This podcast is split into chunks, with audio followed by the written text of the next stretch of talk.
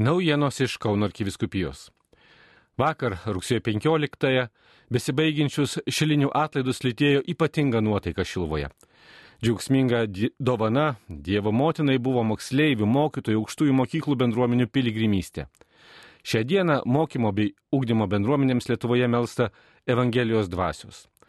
Šios iškilmės bei procesija su švenčiausiu sakramentu iš aikštės į apsireiškimo koplyčią jau ženklino didžiųjų atlaidų Šilvoje pabaigą. Tadien taip pat dėkota už atlaidų malonės, kurios lėjosi per visas aštuonias dienas tūkstančiams kasdien čia apsilankiusių žmonių. Per atlaidus daugybė piligrimų susitaikė su Dievu, priėmė komuniją, buvo išdalinta daugiau kaip 25 tūkstančiai komunikantų.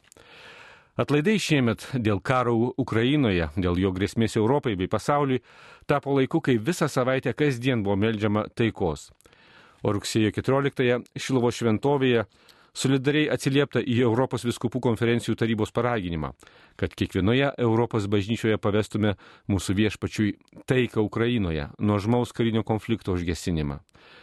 Garbinimo ir maldavimo valandą visiems Šiluvos aikštėje suklupus priešais įstatytą švenčiausią sakramentą, kaip galingos maldos pajėgos, įsitraukė tą dieną į Šilinę suvažiavę ypatingų būdų Dievui ir bažnyčiai pasišventusieji, tai kunigai bei seserys ir broliai vienuoliai iš visos Lietuvos.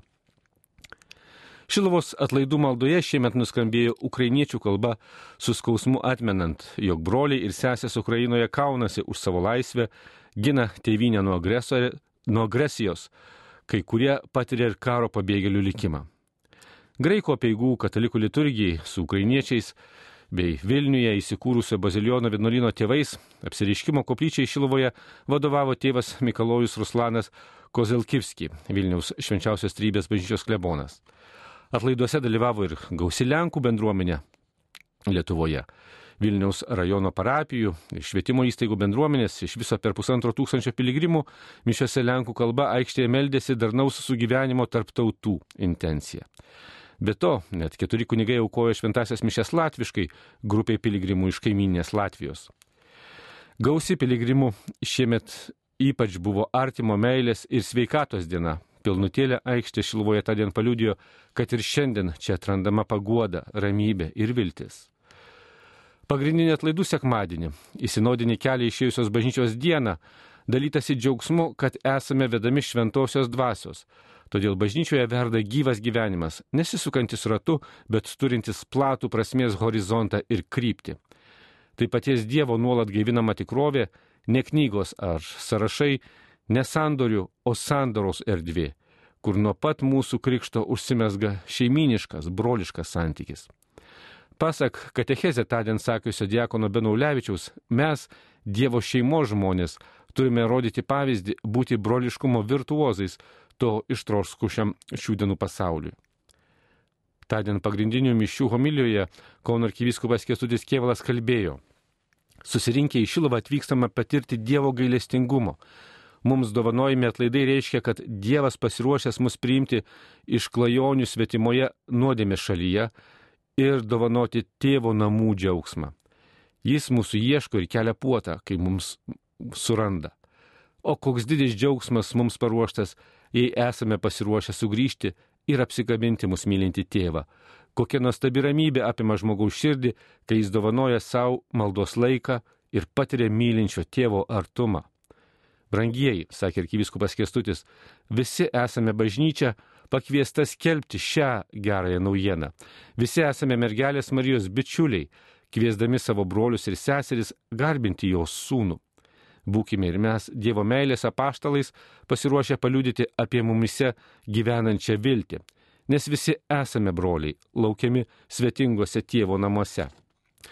Užbaigdamas atlaidus, Kauno arkivyskupas Kestutis Kievalas nuoširdžiai ir daug kartų ištarė ačiū visiems čia apsilankiusiems piligrimams, visiems tarnavusiems atlaiduose.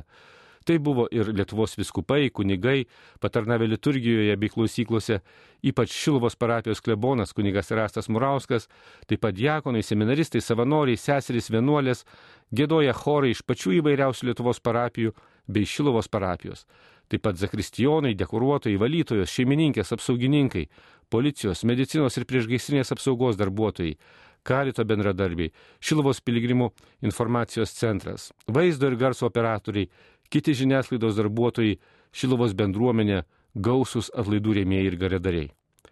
Šie žmonės savo tarnystėmis ir dovanomis bei visi atvykę piligrimai padėjo kurti mergelės Marijos gimtadienio šventę didžiuosiuose šilinių atlaiduose.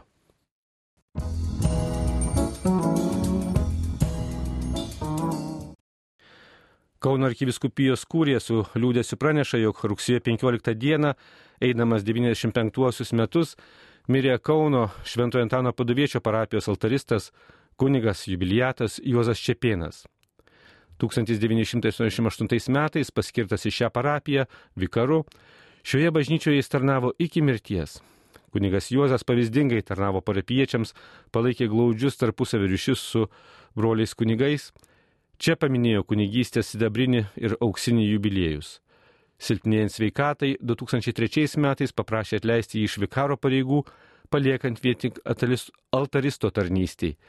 Tačiau, kiek tik leido jėgos ir toliau tarnavo tikintiesiems, ypač klausykloje. Kunigo Juozo Čepieno palaikai pašarvoti Kauno Švento Antano paduviečio bažnyčioje. Laidotuvių mišios šeštadienį, rugsėjo 17 dieną 12 val.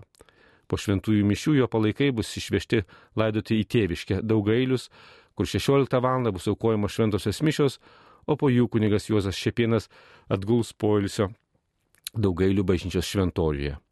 Plačiau apie kunigo Juozo Čepieno gyvenimą, kunigiškąją tarnystę skelbiama Kauno Rekiviskupijos kurijos paskelbtame nekrologe.